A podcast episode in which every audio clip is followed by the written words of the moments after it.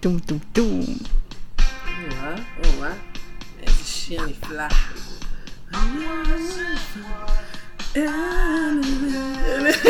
טוב, אוקיי, זה יותר מדי השיר כיף. הזה פשוט גאוני, גאוני. את יודעת, הפעם הראשונה ששמעתי אותו זה היה ב-MTV אצל חברה בבית. וואי וואי וואי. איזה תקופה זאת הייתה MTV. בשוק. כן, זה כאילו, אתה צריך להעביר לתחנה מסוימת בטלוויזיה, לחכות שהשיר יעלה, לחכות עם הקלטה שהוא אה, זה. עם. הטייפ, עם הטייפ, נכון. ממש, טוב, רגע, רגע, רגע, ממש. רגע, בואי נתחיל. בואי נתחיל. שלום! ברוכים הבאים לפודקאסט של רוטרדם בת ים. אני ויק ברוטרדם, אני עובדת בשיווק ואסטרטגיה לסטארט-אפים ויזמים בהולנד. אני רותקה, אני בבת ים, ואני עובדת עם אה, מוזיאונים ובתי ספר כדי לקדם אותם למאה ה-21. אם זאת הפעם הראשונה שאתם מצטרפים אלינו, ברוכים הבאים. ברוכים הבאים, תודה רבה. זה, זה, אם עברתם את ההתחלה של נירוונה, זה תמיד מאוד נחמד. אז אה, רותקה ואני למדנו ביחד באוניברסיטה, וכשעברתי להולנד לפני אה, מלנת אלפים שנים, אז אה, חשבנו על איזושהי דרך מקורית לשמור על קשר, ווואלה, פודקאסט, כאילו, ברור, פודקאסט, בואו נדבר, ואתם תקשיבו, למה לא? ובעונה השנייה אנחנו מביאות כל מיני שדרוגים אה, לפודקאסט, כמו למשל המוזיקה המתחלפת. עכשיו, אנחנו ממש מאפצו, מאמצות את זה שאנחנו מה-90's, כאילו ממש מאמצות את זה. ואת העונה התחלנו עם קנדריק למר, שזה התוצר כן. של להיות הילד של ה-90's.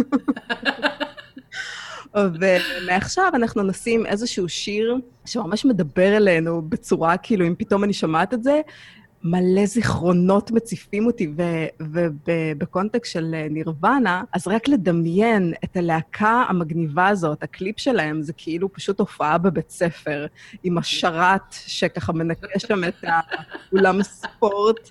ונחמד לו, ואני חושבת, וואו, בבית ספר מקיף אריאל, ההופעות שלנו נראו טיפה שונה, למרות שלא פעם רציתי לשבור את הכיסאות ואת השולחנות. Mm, בואי, אנחנו, מה שנקרא, I see you and I raise, אם את חושבת שבאולפנת בית וגן, יש איזשהו סיכוי שבאולפנה, עזבי שישמעו נירוונה, למרות ששמענו נירוונה, אבל מה שנקרא, בחדרי חדרים. אה, ברעש, אבל זה לא היה בשקט. לא, אז ברעש זה בבית. בבית מותר לשמוע ברעש, אבל... אה, אבל אה, בבית הספר, באולפנה שלי, זה פחות, ה... זה פחות הכיוון של לשבור כיסאות וזה. אם רק כדי שתביני כאילו על מה אנחנו מדברים, שיעורי הספורט שלנו זה ריקודי עם. או, יס. יס, עם קברניט לו רגל מעץ. זה ה... אשכרה, אני יודעת את הצעדים, אני יודעת את כל הצעדים של הרועה הקטנה. כן, יש כן. יש בי חלק. אני רק רוצה להודות, ש- יש בי חלק שמקנא. כאילו, תשמעי, יש בי חלק שעכשיו אומר, אבל את להבין." יודעת? את לא יודעת. וחבל, השיעורי ספורט שלך היו מחניים. אז זהו, שגם שיחקנו מדי פעם מחניים, שבויים, וניסינו לרוץ. יש איזה גינה בבת ים כזאת, שהמורה לספורט תמיד הייתה מוציאה אותנו לרוץ בגינה, כי זה בת ים ואין פה שטחים לרוץ. אוקיי, זה כאילו... אין, כי זה הכל בתים וג'יף, והיא פשוט הוציאה אותנו לרוץ בעיר, והיא הייתה לקחת אותנו לשדרה הראשונה, עכשיו השדרה הזאת מחולקת לערוגות, אז צריך לרוץ עד הערוגה האחרונה ולחזור, ואני אתן לך לנחש כמה קיצרו בערוגה השנייה וחזרו. אוי, ברור. אני יכולה להגיד לך. שלנו היה את ה-1500 עד הכיכר, אני עושה גרשיים עם הזה, באריאל אין רמזורים, אז יש כיכרות, והם אמרו, בואו נשים כיכר פה, ופה, ופה, והתוצאה היא 50 כיכרות על מטר רבוע. וואו. אז היו אומרים לנו, וואו. אוקיי, תלכו, תרוצו 1,500, אני לא- כאילו זה לשם, ובחזרה זה 1,500. אז uh, כשהיינו יוצאים מאזור הראייה. מקצרים בכיכר הראשונה. איזה מקצרים, איזה מקצרים. את כאילו, כל הריצה הזאת הופכת להליכה, לגרירה, ואז, טוב, אוקיי, מיצינו? אוקיי, מעולה. וואו, איזה הליכה ואיזה גרירה, השתגעתי, ישר חזרה לבית ספר. עזבי אותי באמא שלך, אני חם וזה, תביא לי את הכיתה, תביא לי את המזגן, עזבי את ה... לא נורמלים. וגם מזגן, בכיתה. וואי, וואי, מזגן. אני חייבת להגיד. שהפרק שלנו היום חוץ מהעובדה שעכשיו שש בבוקר בהולנד, כי אין מה לעשות, המקצוענות שלנו יותר חשובה משנה. ואני בכל מקרה מטורפת, אני קמה כל יום בלאו הכי בחמש. אבל היום לא, גם לא- הרמתי את רותקה בשבע בבוקר, או נכון. בחמישה לשבע. שש, שש וחצי. כן, כאילו בשש צלצל השעון בפעם הראשונה, הסתכלתי עליו ואמרתי, לא, לא היום. כמה אני, כמה אני באמת אוהבת את הפודקאסט. כמה הפודקאסט באמת חשוב לי. בואי רגע נעשה פה מתוך הפוך הנעים והמיטה החמימה. בואי רגע נחשוב כמה את אוהבת את ויק. כמה את אוהבת אותה. ועד כמה אפשר להכניס את המיקרופון הענק. הזה לתוך המיטה? כן, האמת שהמיטה, זה, חש... זה עבר לי בראש, כי אמרתי לעצמי, החדר שלי באמת הרבה יותר אטום מהסלון שבו אני אולי... אה, זה בסדר, זה קצת... אה, בעיה זה בולם. לראות אותי כזה, בדיוק, בדיוק. אבל אה, זה שאני ערה ואני כאן, זה הוכחה. לאהבה שלי לפודקאסט, אבל מעל הכל, לאהבה שלי לוויק. כאן ככה און רקורד, איך אומרים את זה באיזה? זה כאילו און רקורד, נכון? אין שחור על גבי לבן כמו בכתב. אה. זה און רקורד. איך אומרים? אני חושבת שזה און רקורד. און רקורד. אבל אנחנו נדון? בזה. כן. אז זה, זה בדיוק מה שמדאיג אותי עכשיו, ב- בשש בבוקר. On the record. אז uh, הפרק הזה הולך להיות טיפה שונה. בגלל זה לא מצאנו לנכון להקליט אותו בערב. צריך להיות ערניים בשביל הפרק הזה. אם אתם איתנו עד עכשיו, ואתם uh, חושבים, וואלה, היום שלי הולך מה זה טוב. אני לא הולך לדבר היום על נושא הכסף. טם טם. טם טם טם. זה היה מהפיתוח כל ש... סתם, לא. אה. אוקיי, אז אה, כן, אז היום אנחנו הולכות לדבר על משהו טיפה שונה, ואם אתם אומרים, מה הבנות האלה יכולות עכשיו להגיד לי על כסף? ואני ממש טוב בכסף. כסף, ואני, אני לא מרגיש אשמה בכלל כשאני פותח את הארנק, ומלא נחמד לי. יש לי חסכונות מפה עד להודעה החדשה. ויש לי, אני לא יודעת מה אנשים אחראים עם כסף עושים, אבל בלנק. אין לנו אפילו את הדוגמאות הנכונות מרוב שהתחום זר לנו. אבל זה בדיוק העניין, אבל זה בדיוק העניין, כי אחד הדברים לא, רק תסיימי את המחשבה, שאם אה, אה. זה מה שאתם חושבים, צריך, נכון, צריך לסיים את זה. אולי כדאי לכם להעביר תחנה. אולי כדאי... אה, אולי כדאי להעביר לפודקאסט הבא שעוסק באיך מבזבזים את הכסף, נכון? או משהו כזה. שזה יהיה בפרק הבא בעצם, שזה לגמרי... זה, פה זה התיאוריה ה- בפועל. אוקיי, אז, אה, אז כן, אז תודה רותי, שאת עוזרת לי לסיים את המחשבה. אני, אני, אני, אני, אני הלכתי פשוט לטייל. אה, לגמרי. אה, חשבתי שזה יכול להיות נושא מאוד מאוד נחמד, ולהגיד לכם את האמת, אנחנו דוחים את הנושא הזה כבר כמה פרקים, כי, כי מאוד כיף לנו לדבר על דברים אחרים.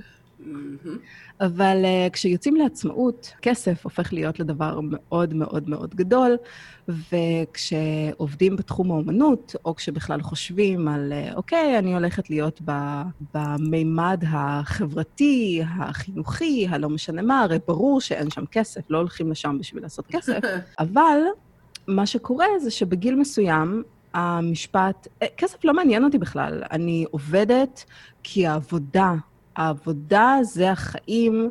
לאהוב כסף זה משהו גס ומגעיל וחומרי, ואנחנו בזים לזה בכלל, וגם אם אני מחזירה לקליפ של נירוונה, אז זה הכי כיף להיות זרוק עם חולצה קרועה, עם ג'ינס. גראנג'. שיער לא. גראנג', הכי גראנג', וזה האידיאל שלנו, כאילו לגדול ב nineties, זה באמת האידיאל שלנו, של האומן המיוסר, שאולי מת בגיל 30, ואז אין טעם לפנסיה, אז זה מאוד מאוד נחמד. ואז בגיל מסוים, פתאום החיים uh, קורים, ופתאום uh, השינה שלנו נפגעת. זה נראה לי הדבר הראשון שנפגע מכסף, זה השינה, שפתאום, או-או, רגע, לגמרי. מה? מה, מה עושים?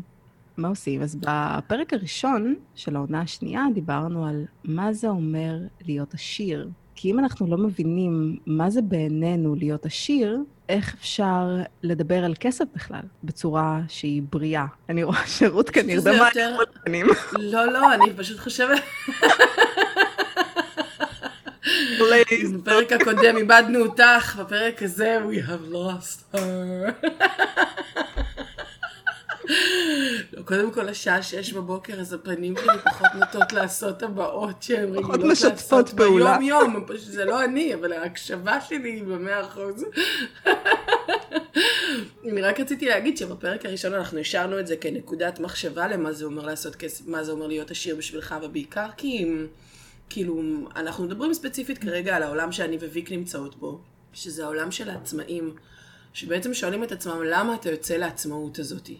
למה אתה עושה את זה? תשאר בעבודה שלך, שמונה עד חמש, תקבל את התלוש משכורת בסוף החודש, לא באמת תתעשר מזה או מה שזה לא יהיה, אלא אם כן אתה חבר כנסת מיותר שעושה חמישים ומשהו אלף שקל בחודש. אה, איך מיותר? אבל... אה, תראי כמה הרבה. יש מהם, איך הם מיותרים. נכון, נכון, אף אחד אף פעם, אף אחד אף פעם לא ישתמש בזה כתירוץ.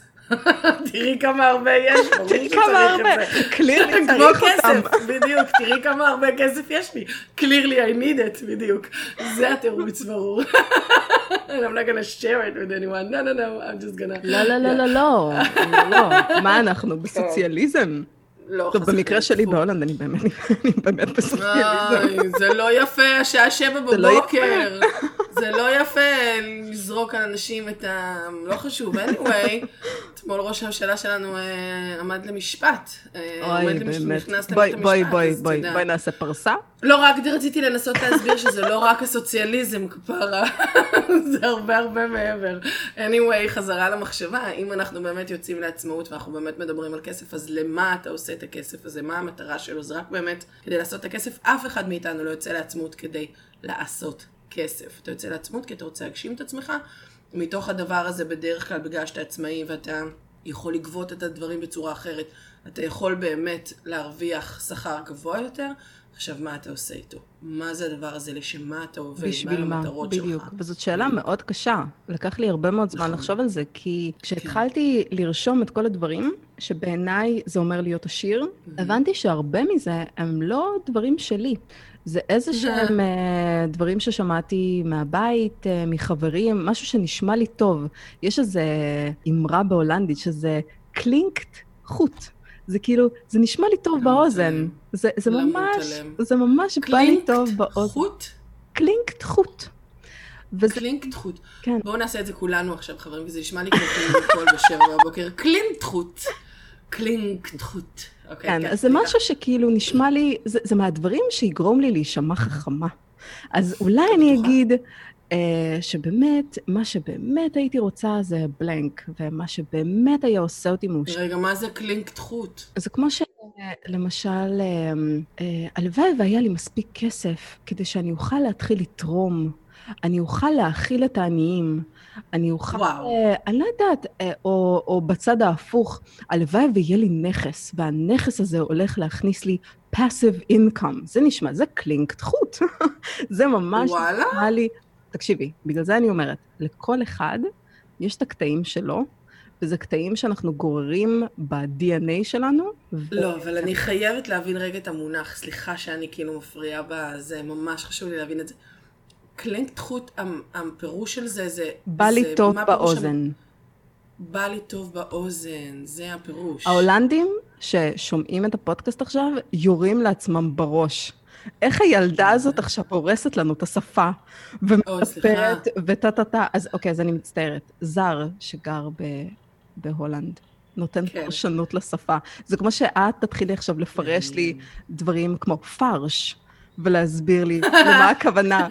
אנחנו אפילו פתחנו קבוצת וואטסאפ, מה זה אומר הפרש, כי פרש זה נכון. מילה ברוסית, אבל רועי טוען שזה לא ברוסית. פרש זו מילה בערבית. רועי ורותי טוענים שפרש זו מילה בערבית. כי מעניין מאיפה ברוסית. רועי ורותי, ומאיפה כל אחד אומר, שלי יותר חשוב, ואז בא אשכנזי ואומר, אתם נחותים מבחינתי, כי זה מגיע מפה. זה מגיע מהיידיש. אני רק רוצה להגיד שזה מדהים, אבל אצל שנינו הפרשנות זהה. זה לא שאצל הרוסים פרש אומר יופי. ברור. good material, איכות מצוינת, אני אוהב את הרעיון. לא, לא, לא, לא. It's the same וזה thing. הקטע המצחיק, זה הקטע המצחיק שאנחנו מדברים באותה שפה, אבל כל אחד נותן הסבר, זה קצת על כסף. ממש. אנחנו פחות או יותר מבינים מה זה אומר. כסף, וכל אחד נותן לזה איזושהי פרשנות, קבלי שש בבוקר. מה? איזה שירה יפה, וואו. וואו. אז, אה, אז בואו נדבר רגע על אה, באמת מה זה אומר להיות עשיר. ואני לא הולכת עכשיו uh, לתת לכם את ה-best of שלי, כי וואלה, זה מה זה לא מעניין מה אני חושבת שצריך להיות, uh, מה? מה, מה זה, זה אומר. זה ממש מעניין. יצא לי מה כמו שלך. מה? מה? מה? סליחה. סליחה. אני דורשת לדעת את זה, זה ממש מעניין אותי לדעת. מה עושה אותך עשירה? מה... למה הכסף? אז אני אספר, קודם כל, אני אספר שהסיבה שהתחלתי בכלל להתעסק בשאלה של מה זה כסף בגיל 35, כן? ספוילר, אני לא בת 35 עכשיו. זה היה לפני שנתיים. אז uh, הסיבה שהתחלתי להתעסק בך בנושא הכסף זה כי הבנתי שקודם כל, מהבית, אני יודעת, כסף זה לא חשוב, ואבא שלי תמיד, uh, תמיד אומר, uh, אנחנו אף פעם לא נהיה עשירים, כי סבא שלך לא שדד בנק.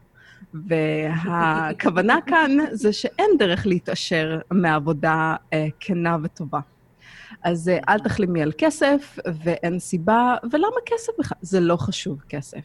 מה שאת צריכה זה עבודה טובה ופנסיה, שפנסיה זה לא לדור שלנו, כן? אבל נשים את זה בצד. פנסיה זה ה-goal, זה כאילו להורים שלנו, פנסיה זה ה... אם את חושבת על זה, מה ההיגיון שתעבדי 30 שנה באיזשהו מקצוע? מה ההיגיון שתעבדי עכשיו מגיל, מה זה, 20 נגיד, כן? עד גיל 60 ומשהו, ואז מגיל 60 ומשהו עד גיל איזה 100, את הולכת לחיות מהשנים האלה? כאילו, it doesn't even make sense, זה לא הגיוני בכלל. אבל לא משנה, בכל מקרה, תעבדי בעבודה טובה, במקרה שלי של בת, תתחתני טוב, שיהיה מישהו שידאג לך, וזה תמיד uh, כיף לשמוע, זה מאוד נעים באוזן. Uh, קלינקט, נדחות. ו...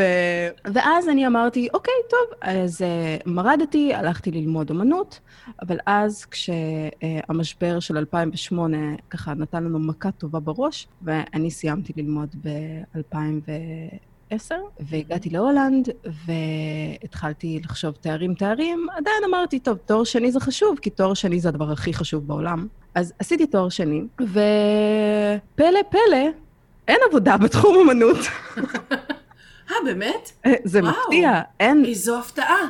זה מזכיר לי את uh, ג'קי לוי, שכשהוא סיים uh, את הלימודים שלו בפילוסופיה, באוניברסיטה העברית, הוא הלך uh, לעיתונות, ואז הוא אמר שכשהוא נכנס ל... ל... כאילו לחדר של העורך, הוא חשב לעצמו בראש, מי לא צריך עוד פילוסוף בעולם? נכון. חשבתי שזה מה שאנחנו חשבנו על חוקרי אומנות. נכון, מי לא צריך עוד איזשהו מישהו שיחפור לך על איזושהי יצירה, כשעכשיו אתה מנסה לשרוד. זה מאוד מעניין, תפיסה מאוד מעניינת. אז בכל מקרה, אמרתי, אוקיי, אז מה הפלן בי? איפה אני יכולה כן להרוויח כסף? כי וואלה, אני לא יכולה ללכת להורים ולהגיד, שלום, תביא כסף. אין לי, אני לא יכולה לשלם שכר דירה, וזה עוד בונוס, כי אני בהולנד, אז אני לא צריכה לבקש את זה פנים מול פנים, זה עוד בטלפון. אז וואו. כן. אז מה הפלן בי, איך אני יכולה להרוויח כסף? אז uh, מתחילים לטפס, uh, בדרך כלל uh, אנשי אומנות מאוד טובים בשיווק, כי היצירתיות פורחת, וזה לא אנשי מכירות uh, מלוקקים, זה משהו שהוא יצירתי ונחמד וגורם לכם להרגיש כאילו אכפת, ועל הדרך uh, משלמים לנו פרוטות, והחברה עושה הון תועפות, שזה בעצם אנשים יצירתיים בתחום ה marketing, במשפט אחד. ואז מה שקרה זה שהתחלתי לחפש את הקול שלי, נהייתי יותר מקצועית במה שאני עושה, התחלתי להיות קצת יותר uh, בטוחה בעצמי. יצאתי ומצאתי לי עבודה שמשלמת המון. ל- לילדה שמגיעה מאומנות, המשכורת שהציעו לי הייתה משכורת מאוד מאוד לא רגילה. אפילו ב... אם, אם אני בכלל מעבירה את זה לשקלים, אז uh, אני... שוח... שוח... אז אני שואלת, אז אני שואלת את עצמי, זה בדיוק מה שאני שואלת את עצמי. ואם אני אתרגם את זה לשפה של בני אדם, זה מה חשבת לעצמך לעזאזל כשכתבת. שש בבוקר, אני מזכירה. כן. מה בעצם גורם לנו לעזוב כזאת עבודה וללכת לעצמאות ולהפסיק לישון בלילה, כי כסף זה משהו שהופך להיות באמת משהו שהוא מדאיג, אבל על אמת. ואחד הדברים שדי שינו אותי, זה היה חשבון בנק שלי, שלמרות שהייתי מרוויחה פי ארבע או חמש ממה שהרווחתי קודם, הכסף לא נשאר אצלי בחשבון. אני פשוט הוצאתי יותר כסף. וזה היה די הזוי, כי פתאום בשביל העבודה הזאת הייתי צריכה רכב. עכשיו, אני לא אקנה רכב, אני אשכור רכב. אז uh, אני לא אשכור רכב מטורף, אני אקח רכב היברידי, שאני לא אשלם הרבה על הדלק, אני אקח אותו לאיזה שנתיים, שזה לא יהיה עול על הסביבה ועליי, כי גם ככה 90% מהזמן הוא בחנייה. חונה. וחנייה באמצע רוטרדם, או נהיגה באמצע רוטרדם, זה קצת כמו נהיגה באמצע תל אביב ולנסות למצוא חניה בתל אביב. כשאין חניונים, ואם יש חניון, חניון, אז אני צריכה לשלם איזה 16 יורו על חניה, שזה physically painful, כואב לי, כואב לי לשלם את הסכום הזה. ואני משלמת על החניה ליד הבית, אגב, כל חודש. אין פה עידוד למכוניות, כן? אבל בגלל המקום שהייתי אמורה לעבוד בו, אה, הייתי חייבת רכב, כי זה או שעה וחצי, זה הכל עניין של כמה השעה שלי עולה היום. ואם אני אמורה לנסוע שעה וחצי הלוך ושעה וחצי חזור, כשברכב זה ייקח לי חצי שעה ולפעמים פחות, when I'm driving, אז, אה, אז בכל מקרה, אה, זה משהו שהוא לא הגיוני. אז פתאום ההוצאות הן בהתאם, כי אני בן אדם חשוב עכשיו, תראו כמה משכורת יש לי, בגרשיים. ואני מסתכלת על החשבון בנק שלי, ואני מסתכלת על, תמיד אני שמה כסף בצד, כי הכסף שלי בצד זה, זה כסף, זה סוג של uh, קרן חופש, כן? זה פרויקטים שאני יכולה להרשות לעצמי לעבוד עליהם. ושמתי לב שכשהרווחתי כלום כסף, וכשאני מרוויחה עכשיו את הכמות הזאת של כסף, החיסכון שלי הוא בדיוק אותו חיסכון. שהמטרה שלי היא בסוף שנה לסיים עם לפחות עשרת אלפים יורו בצד, שזה הקרן אה, קרן אה, חופש, כן? שזה תמיד, זה האפס שלי. ואז אני מנסה, וזה קשה, זה מאוד מאוד מאוד קשה. מאוד קשה, מה זאת אומרת? זה מאוד קשה, כי... 40 ומשהו אלף שקל בשנה? זה... זה חיסכון? זה מאוד מאוד מאוד קשה כש... כש...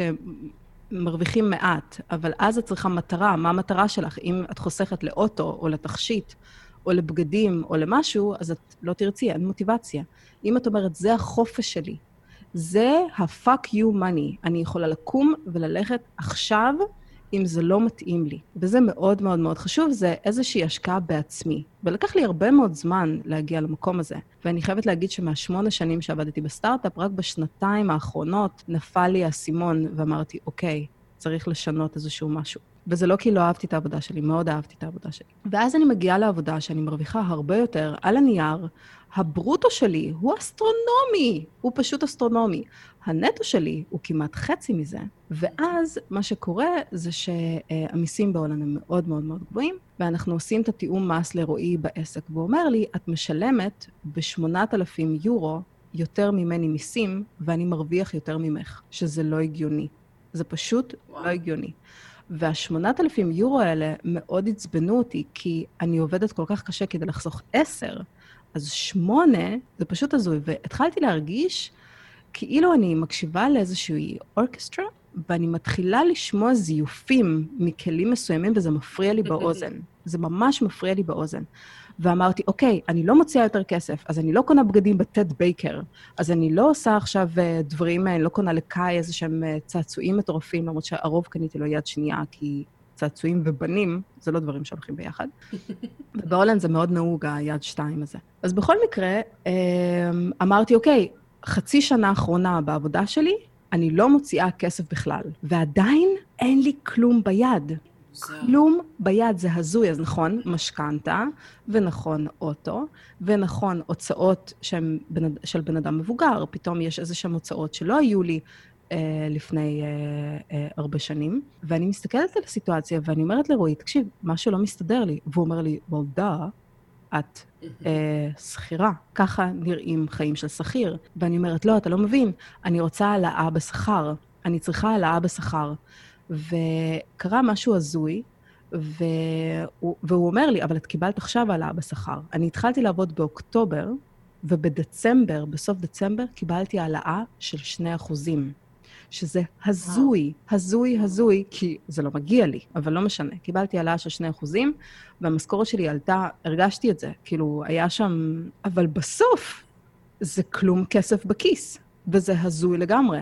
אז אני מסתכלת על התלוש משכורת שלי, ואני מנסה להבין מה קורה פה. איך זה יכול להיות בכלל שזה מה שמגיע אליי לכיס? ואחרי שאני משלמת את כל החשבונות שלי, ואחרי שאני מסיימת את כל ההוצאות ההכרחיות שלי, בכיס שלי לא נשאר כלום. אני ממשיכה לחסוך את אותו הכסף שחסכתי לפני כן, והמוח שלי מתפוצץ מעצבים. כי אני עשיתי את כל מה שמצופה ממני. למדתי, קיבלתי עבודה טובה, על הנייר אני מרוויחה הרבה כסף, בפועל אין לי כלום בכיס. מה קורה פה? Mm-hmm. ואני לא עובדת בשביל עצמי, אני לא עושה עבודה שאני רוצה לעשות, אני עושה הון תועפות לחברה שהיא לא שלי, ואני לא מקבלת מזה אחוזים.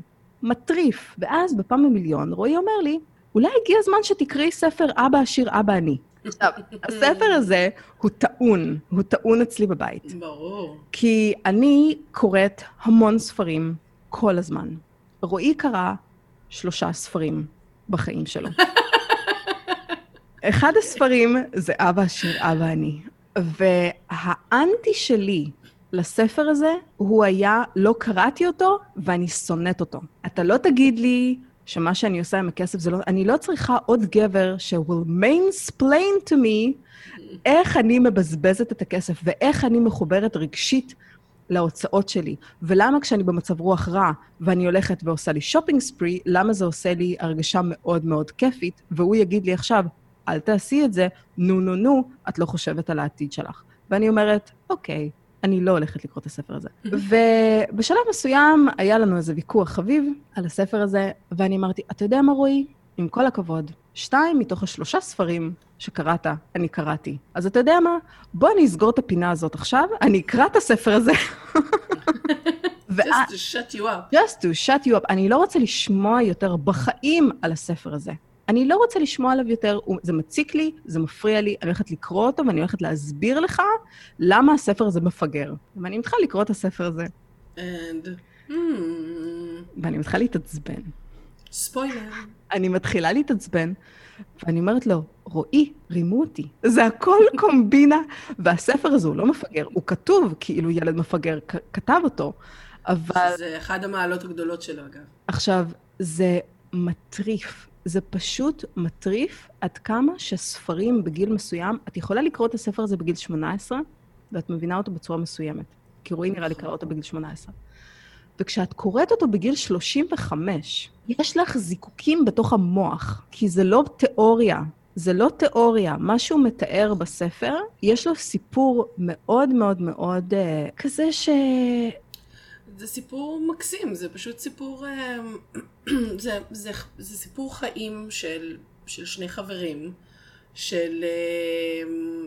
אה, שגדלו בהוואי, שאחד מהם בעצם מדבר על, אה, על כך שיש לו, שהיו לו שני אבות במהלך חייו, האבא הביולוגי שלו, שהיה מה שנקרא האבא העני, שעשה את המסלול הרגיל שמחנכים את כולנו, המסלול שוויקטוריה הרגע אמרה, זאת אומרת, אה, אקדמיה, ללמוד, עבודה, בדיוק, פנסיה. ללמוד, עבודה, להשיג עבודה טובה, לכוון אל עבר הפנסיה שלך, וכל כמה זמן לבקש העלאה, ולדאוג שהחיים, אה, שהכסף כאילו ייכנס באופן אה, קבוע לתוך הבית, אבל בשורה התחתונה, אתה לא מצליח לחסוך, אתה מת עם חובות מאוד גדולים ברוב המקרים, ואתה פשוט חי מפייצ'ק לפייצ'ק בזה. והאבא השני היה אבא של חבר מאוד קרוב, שמגיל מאוד קטן הם בעצם ביקשו אה, לעבוד, וממש אנחנו לא נספר איך בדיוק כל הדבר הזה קורה, אבל הם ביקשו לעבוד בשבילו, הוא והחבר. הם לא ביקשו לעבוד בשבילו, הם ביקשו שהוא ילמד אותם ילמד מה אותם זה אומר. כסף. כן, ילמד אותם לעשות כסף, כן. ואז הוא פשוט מספר את כל שיעורי החיים שהוא למד מהאבא העשיר, כשהוא משווה אותם בכל פעם לשיעורים שהוא למד במקביל, מהצד שזה שני לאבא. fun uh, dinner topic, לדבר עם אבא כן. הביולוגי שלך. ממש, ממש, זה, זה פשוט, אה, ומה שוויקטוריה אומרת באמת מאוד נכון, זה כתוב בשפה מאוד פשוטה, כאילו ילד כתב את זה, ובעיניי זה אחד הפיצ'רים הכי חזקים של הספר, כי בשביל של, של אנשים כמונו שלא שימו כלכלה, תואר שני, אה, מונחים אה, מאוד אבסקוריים בכסף, מבלבלים אותנו, אנחנו פשוט לא רוצים לדעת עליהם, הוא פשוט אה, מצליח להעביר את הרעיון ואת ה, את התפיסה ואת הדרך שבה אנחנו חיים את החיים שלנו בצורה מאוד מאוד חיה וברורה ופשוטה מאוד.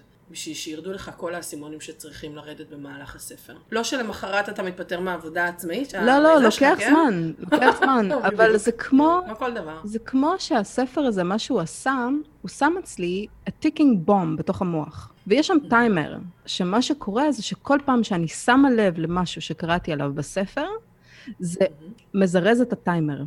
פשוט מזרז אותו. עכשיו, מה שקרה שם, זה שעל ההתחלה, ממש על ההתחלה הוא מדבר שלא מדובר בכמות כסף שאתה עושה, אלא כמה כסף נשאר אצלך בכיס. עכשיו, אם הייתי קוראת את הספר הזה בגיל 18, הייתי חושבת, אוי, זה הכל בתיאוריה, זה הכל תיאוריה, תיאוריה, תיאוריה. עכשיו, אני עשיתי את הדרך. אני התחלתי נמוך, אני הגעתי גבוה, ומה שהוא אומר זה באמת נכון. בכיס לא נשאר אצלי הרבה. ומה שקורה זה שאחרי שאתה משלם מיסים על הכל, אתה משלם את כל החשבונות, לא נשאר יותר מדי דברים. ואז האיכות חיים שלנו היא מותאמת לכמות ההכנסות שלנו. ואז אנחנו מחויבים ללכת לעבודה, כי זה המינימום הטוב. הכנסה. במקרה הטוב. במקרה הטוב. במקרה ואם הצלחנו. עכשיו... לא. במקרה הטוב, אם אתה חכם וקפדני, הוצאות שלך הן ברמת ההכנסות שלך. אבל הוא גם מדבר על זה שהרבה פעמים פשוט אדם עשיר הוא אדם שמבין בצורה נכונה שלקנות את הבית עם החמישים קומות, mm. ה-liability, אה, לקנות בעצם נכסים שנותנים לך, שגורמים לך להוצאות mm-hmm. ולדברים שהם בעייתיים, ומה זה, זה נכס חלק בכלל? מהעניין. בדיוק. אני חושבת שבאמת הנושא של מהו נכס ומהו עול, נכון, נטל, נכון. זה היה מאוד מאוד חשוב. אבל אחד הדברים שהוא מדבר שם, אה, שמאוד uh, דיברו אליי, זה שבאמת הרבה אנשים לא רוצים לדבר על כסף. אצלי בבית uh, בטוח, אף פעם לא דיברנו על כסף. דיברנו על זה שאין כסף, לא משנה אם יש או אין, מדברים על זה שאין, וזאת הדרך הנכונה לדבר על זה. עכשיו, במקביל מדברים עד כמה שכסף זה לא חשוב, אבל הוא מאוד חשוב. אז נוצר איזשהו דיסוננס כזה, משהו כאוטי ואפילו פסיכוטי קצת, כי מצד אחד, אתה לא מדבר עליו, מצד שני, החשיבות שלו היא עצומה. עכשיו, למה החשיבות שלו היא עצומה? הפחד שכסף מכניס בנו, הוא זה שמשתק אותנו ולא נותן לנו לישון בלילה כמו שצריך. החרדות האלה שאנחנו מרגישים אה, מזה שאין מספיק, צריך לשלם חשבונות, מה, מה אנחנו עושים, אה, אנחנו לא מסתכלים בצורה רציונלית על הסיטואציה. וכשאנחנו לא מסתכלים בצורה רציונלית, אנחנו עושים הרבה מאוד שטויות. כמו למשל ללכת ולעבוד בעבודה שאנחנו מאוד מאוד לא נהנים לעבוד, כי אנחנו מחויבים, אני עובדת בשביל המשכורת. עכשיו, הבעיה היא שמשכורת נכנסת יום אחד בחודש, והאושר שאתה מקבל את המשכורת הולך והופך להיות פחות ופחות משמעותי, כי אנחנו מתרגלים לטוב מהר מאוד. ואנחנו מתרגלים למשהו, ואנחנו לוקחים אותו כמובן מאליו, מאוד מאוד מאוד מהר. אני אחזור ללואי סי קיי עם הווי-פיי במטוס, שאנשים מתלוננים על הווי-פיי במטוס, אתם טסים ממדינה למדינה, אתם עפים כמו ציפור בשמיים, ממשהו שהוא עשוי מתכת, ואתם מתלוננים על זה שהווי-פיי לא עבד כמו שצריך, הזוי. אז בכל מקרה, אה, מה שהוא מסביר בספר זה שאנחנו פשוט הולכים לעבודה כי אנחנו חושבים שהפחד הזה הולך להיעלם. אם אנחנו מקבלים משכורת קבועה, אם הכל בסדר, אם יש לנו יציבות, הפחד ייעלם. אבל מה שקורה זה שהפחד מתעורר איתנו מוקדם בבוקר, הולך איתנו יד ביד לעבודה, וחוזר איתנו הביתה, ואיתו אנחנו הולכים לישון ביחד. וזה מנהל לנו את החיים לגמרי. ואז, מה שקרה אצלי בכל אופן, זה ההוצאות שלי היו מאוד רגשיות. בגלל שהעבודה לא עושה לי נחמד, אני אעשה לעצמי נחמד. אני אתחיל לפצות את עצמי בדברים שוואלה, אני בכנות לא צריכה, והם בסך הכל, הם לא נכס. הם לא נכס כי כן. אין, אין מה לעשות איתם. אז בכל מקרה, אנשים באמת נותנים לכסף לנהל להם את החיים, בין אם הם אקטיבית מדברים על זה, ובין אם הם מתכחשים לחשיבות של הכסף בחיים שלהם. אז בעצם, אם אני לוקחת את זה לתרגום של uh, משפחה רגילה, או שאנחנו יכולים כל הזמן לדבר, אוקיי, אנחנו לא יכולים לקנות את זה, אנחנו לא יכולים זה, אין לנו כסף, אין לנו כסף, צריך ללכת לעבוד, ואנחנו את הפחד הזה מכניסים בתוך הילדים שלנו. אתה צריך ללכת לעבוד, אתה צריך שיהיה לך מעביד טוב, אתה צריך פנסיה טובה, אתה, אתה, אתה, אתה, אתה, בלי לשאול מה הילד רוצה בכלל, כי אנחנו מחדירים בהם את החרדה שלנו שהם יישארו בלי כסף. וזה משהו שהוא מאוד מאוד מאוד מוזר. עכשיו, מה שעוד יותר מוזר, זה פשוט לא לדבר על כסף. או לדבר עליו בקטע שהיה לי גם, אני לא אגיע לגיל הפנסיה. למה אני צריכה לדאוג עכשיו? אני זוכרת שרועי אומר לי, אבל בואי נניח שכן נגיע לגיל הפנסיה. בואי, בואי נגיד, וכן נגיע לגיל 70, 80, 90 ומעלה. מה נעשה אז? מה נעשה אז? בואי נחשוב על זה. ואני זוכרת שכל פעם שהוא מדבר איתי על כסף, אני רציתי ללכת. פשוט פיזית, ללכת מהשיחה. כי אני חשבתי שאני לא מבינה למה אנחנו מדברים על דברים כל כך קטנוניים. למה זה מה שחשוב, ולמה אתה נותן לכסף כזה מקום בחיים שלך, כששנינו יודעים שזה לא חשוב, זה לא משנה, והמשכורת נכנסת, אני לא מבינה מה אתה רוצה, הכל בסדר. הכל בסדר. זה כאילו, לה, לה, לה, לה, לה, לסגור את האוזניים ולעשות לה, לה, לה, לה, לה, לה, לה. ואז, כשקראתי את הספר הזה, כל פרק נתן לי כאפה. ממש. ואני בחיים לא אשכח. עכשיו, אני מקשיבה, אה, יש ספרים שאני קוראת, יש ספרים שאני שומעת, ויש ספרים שאני גם קוראת וגם שומעת, כי אני מסמנת דברים. ואני בחיים לא אשכח שלקראת סוף הספר, היינו במטבח, ואני הייתי עם אוזניות, כי לספר הזה, עם כל הכבוד, אני לא אשב ואני אקרא אותו. אני, הזלזול שלי היה כל כך, כאילו, לקחתי, קניתי את הספר הזה באודיבל כדי להחזיר אותו. כי באודיבל, כן. אם לא אהבת ספר, את מחזירה אותו. No harm done. כאילו, באמת, אין שום נזק. ואני זוכרת שאני פשוט מורידה את האוזניות, ואני מסתכלת על רועי, ואני פשוט אומרת, אני לא מאמינה. אני לא מאמינה שהספר שאתה טחנת לי את המוח איתו במשך שנים, ואני הלכתי כל כך נגדו, פתאום נפל לי האסימון. והוא מסתכל עליי, והוא לא מאמין, כי הוא דיבר על הספר הזה כל כך הרבה פעמים, והוא דיבר על כסף עם כל כך הרבה אנשים, ולאף אחד לא נפל האסימון באמת. ואני כאילו, ואני אומרת, אני לא מאמינה. ואז הוא שאל אותי, מה, מה הבנת מזה? למה זה מפריע לך? למה עכשיו זה שונה? ואני פתחתי במונולוג, אני לא יודעת איך לתאר את זה, אבל יש איזשהו ספר שדיברנו עליו, שנקרא uh, The Power of Moments, ושם הם מדברים על כל הנושא הזה של קללת הידע. ברגע שהאסימון נופל, אנחנו לא יכולים לדמיין סיטואציה שבה אנחנו לא ידענו משהו. וכמו שרועי, האסימון הזה נפל לו לפני הרבה מאוד זמן, בגלל זה הוא אף פעם לא היה שכיר באמת, והוא תמיד עבד בעבודה שהוא רצה לעבוד בה, והוא לא שילם מיסים בכמויות שאני שילמתי, והוא בחר כמה הוא הולך לשלם לעצמו ומה הערך של העבודה שלו, שזה לא תמיד היה קל, כן? זה היה לרוב יותר קשה מלהיות שכיר. בגלל זה להיות שכיר הרבה יותר קל, כי אין את, ה... אין את כל הדאגות האלה. אתה משאיר את העבודה ברגע שאתה נכנס לאוטו, או לאוטובוס, או לרכבת, או ל...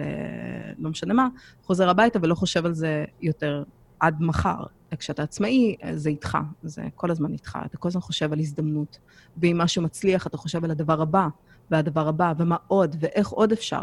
ומה שמעניין זה שפתאום הדיון שלנו הפך להיות ברמה אחרת. ועכשיו, כשאני מדברת עם, עם מישהו ואני שומעת מה היחס שלהם לכסף, או איזה רגשות אשם הם מרגישים כשהם פותחים את הארנק, אני כמובן לא, אני לא מאלה, אה, אתה צריך לקרוא, אבא עשיר, אבא אני, על אבא עשיר, אבא אני שמעת? גנבת להם מאחורי הראש אה, בסופר. ממש, כי אני לא... פריצ'ר. לא, כן, לא, לא מטיפה, כן. אני לא מטיפה. לרועי מאוד חשוב לעזור, לי לא אכפת. הפודקאסט הזה הוא, אה, הוא בדיוק האנטיתזה למה שאני אומרת, אבל... אה, איזה דרך נפלאה לסכם אתכם, זה מאוד מצחיק, את יודעת. רועי רוצה לעזור, לי לא אכפת. כן, אני חושבת שזה היינג והיאנג שלנו. אבל אוקיי. איכשהו הלא אכפתיות שלי אה, נזלה לכיוון שלו, והאכפתיות שלו נזלה לכיוון שלי. אז אה, זה מאוד מעניין. כן. בכל מקרה, הספר הזה הוא לגמרי, סליחה על הביטוי, דפק לי את המוח, ויצר פצצת זמן מתקתקת, שכל פעם שהייתי מקבלת את התלוש משכורת, כל פעם שמשהו היה קורה בעבודה, זה נבנה ונבנה ונבנה, והטיימר התקצר והתקצר והתקצר, עד שסוף סוף היה פיצוץ. ואמרתי, אוקיי, אני לא מוכנה לזה יותר. בואו נראה, כאילו, הספר הזה, זה היה ההתחלה, ומשם התחלתי לקרוא הרבה מאוד ספרים אחרים.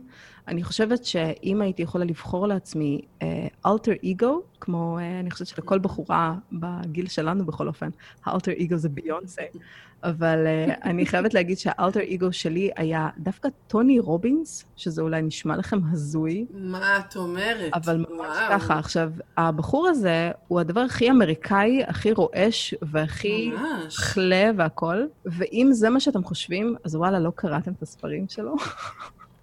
זה אחד האנשים היותר מלומדים ומהאנשים הלא רגילים האלה שבכנות רוצים לעזור, שזה הזוי בעיניי, כי יש בי את, ה...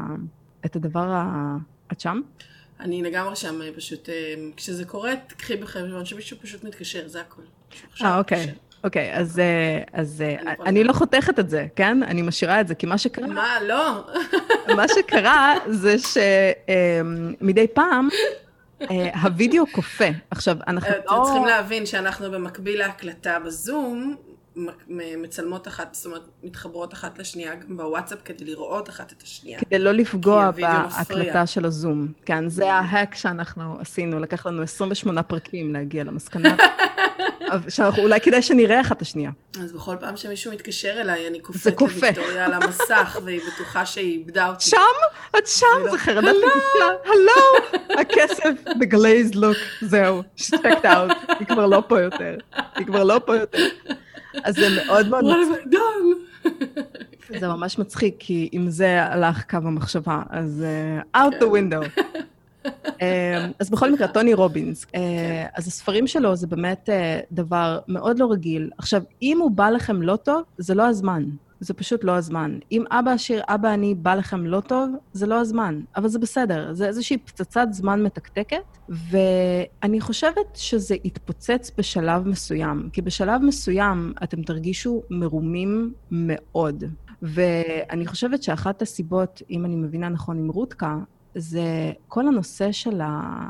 של החינוך. אני מסתכלת על עצמי כמישהי שרואה עכשיו את התוצר של איזשהו משהו, ורותקה רוצה להגיע עוד לפני, לפני שאנחנו ממשיכים את החינוך הפוסט, אה, איך זה נקרא? מהפכה תעשייתית, שאנחנו מייצרים עכשיו עובדי מפעל שיעבדו חיים שלמים. בדיוק. בדיוק. אני חושבת שבכלל כל מערכת החינוך, אם אנחנו מדברים על העניין הזה, שמה את הדגש שלה על כל הדברים הלא נכונים לחנך אליהם. Mm. זאת אומרת, איך זה יכול להיות שאנחנו בעידן כל כך מתקדם, וזה לא שהאינטרנט נולד אתמול, אנחנו כבר לפחות 30 שנה בתוך עולם האינטרנט, ואין שום שילובים של הדברים האלה בתוך עולם החינוך. איך זה יכול להיות?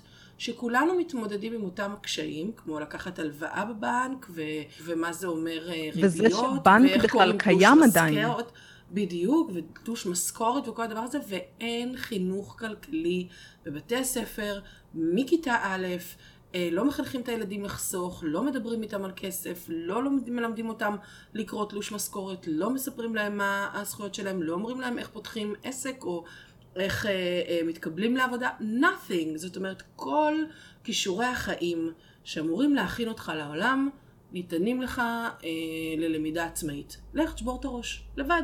ואני חושבת שמערכות החינוך שלנו חייבות, חייבות to address את כל הנקודות המשמעותיות האלה, שהן באמת, הן מאוד מאוד מאוד מאוד רחבות. והעניין הכלכלי הוא... תשמע, אני, אני אה, חייבת לומר שאני קראתי את הספר אה, לפני הרבה מאוד זמן, לא הייתה לי חוויה טובה איתו, זאת אומרת, I did not understand what the man is blubbering about. וגם איך הוא מעז אומרת, אה, להוציא ספר כן, בכזאת שפה. זה גם היה, בדיוק, זה גם היה כזה, קראתי את זה קצת, ו... לא, זה הטרחני, זאת אומרת, הסיפור הראשוני היה מאוד חמוד כזה, הוא מספר על עליו ועל החבר שלו כילדים קטנים שמנסים לזייף כסף, ויש בזה משהו נורא חמוד. לזייף, לייצר כזה, כסף. כן, לייצר כסף, which is basically uh, illegal. ו, ואז אתה קורא את זה כזה ונכנס, אבל אז הוא מתחיל עם כל המנטרות, עם כל, ה, עם כל, הפר, כל פרק עוסק באיזה תפיסה או רעיון אחר שקשור בכסף, אתה פשוט lost it. ו... אני לא... זה, אה, ואז באמת אה, לאחרונה, בשנה האחרונה, חזרתי באמת לספר הזה, גם כי יצאתי לעצמאי, לעצמאות, ומכל כיוון זה התחיל לחזור אליי. לקרוא את הספר הזה, לקרוא את הספר הזה, לקרוא את הספר הזה, וגם כי הוא פשוט היה זמין, יש לי אותו, אז יאללה, אז פשוט נפתח אותו אם הוא כבר פה. והשוק שקיבלתי הוא בדיוק כמו שוויק מתארת, זה, זה מין... כאפה מצלצלת. אה, זה אפילו לא אסימונים, זה כמו שתחשבו על איצטדיון בלומפילד, mm-hmm. ומישהו מעלה את האורות, יואו. כאילו זה כזה פאק, פאק, פאק, פאק, וזה כאילו אורות של איצטדיון בלומפילד בתוך הראש שלי. איזה דימוי מעולה. oh my God, somebody turn off the light, I don't want to see. אני לא רוצה, אבל זה בדיוק העניין. אני חושבת שהדימוי שלך הוא כל כך מעולה. כי זה לא קזינו שפתאום מישהו זוכה בג'קפוט ויש מלא מלא רעש של מטבעות נופלות וזה משהו לא. חיובי. לא, לא, לא. מדליקים את האור והוא מסנוור והוא מצליח. מסנוור אותי, אני לא מצליחה לראות, בדיוק. זה, זה מוציא משיווי משקל. אתה קורא עוד פרק ועוד פרק ועוד פרק, שזה גם איזושהי תופעה מאוד רצינית של הספר הזה. לפחות לי, הייתי צריכה לקרוא אותו כמה פעמים, כי הפעם הראשונה נקראה מאיזה, אוי oh אוי גאד, זה כאילו, זה אני. It's me, הוא מדבר עליי, זה כאילו, ואז אתה, אתה קורא את זה כאילו אתה קורא איזה ספר ביוגרפי של mm. עצמך והחיים שלך, אז אתה לא באמת מבין אותו, או לא באמת יכול ליישם ממנו ליישם, משהו. ליישם, בדיוק. בדיוק, ואז אתה צריך לקרוא אותו עוד פעם, כי אתה צריך לשים פאוזות. בנקודות ולכתוב לעצמך נקודות. אני שומעת אותו אה, בפעם השנייה, שמעתי אותו באודבול, ואני כותבת אה, במקביל בפתקים של, ה, של הטלפון, גם כי זה זמין לי, וזה איזשהו סיכום של הפרק. נקודות שאני מרגישה שהן aha moment כאלה, כמו שאופרה קוראת לזה, זה מין כזה, oh my God, oh נכון, וואו, וואו, זה קורה כל הזמן לאורך הספר. Um, העניין גם עם כסף, אני חושבת, בכלל, כל מה שבאמת אמרנו, כל מה שאמרת באמת מאוד מאוד נכון, גם העניין הזה שאם אתה לא מתחבר למשהו זה כנראה לא הזמן שלך להבין אותו, אה, שיש המון המון נקודות שאתה מוצא בהן באמת השקה, שכסף זה דבר גס, שמחנכים אותנו לא לדבר עליו אין יט, כל הדיבור עליו הוא מגיע מכל כיוון. אומרים לך לא לדבר עליו, אבל כשאתה אומר שאתה רוצה משהו אז אין כסף. אומרים לך לא לדבר על זה, או שזה לא חשוב, שזה לא משמעותי, או שזה לא העניין, עניית זה העניין בכל דבר מהרגע שאתה פוקח את העיניים. כולל הלמה ללכת ללמוד, כולל הלמה ללכת לעבוד. זה בעצם מסרים, תתי מסרים, שכל הזמן אומרים לך כסף, כסף, כסף. גם אם הם אומרים לך... בוא לא נדבר על כסף. זה לא חשוב, אבל בואו עכשיו אנחנו uh, נתקומם על זה שפוליטיקאי כזה וכזה לקח את כספי המדינה, אז זה כאילו, זה הולך בדיוק. קצת מהכיוון ההפוך, וילד הוא לא מפגר, הוא נכון. שומע מלא מלא מסרים. וכשהוא נכון. שומע מסרים שהם סותרים, מצד אחד אתה אומר, טוב, כסף זה לא חשוב, אבל מצד שני, אתה מאוד מאוד חרד. נכון. שוב אנחנו מגיעים באמת לנושא הזה של חינוך. ילדים, יש אה, משפט כזה, אני לא זוכרת אותו בדיוק.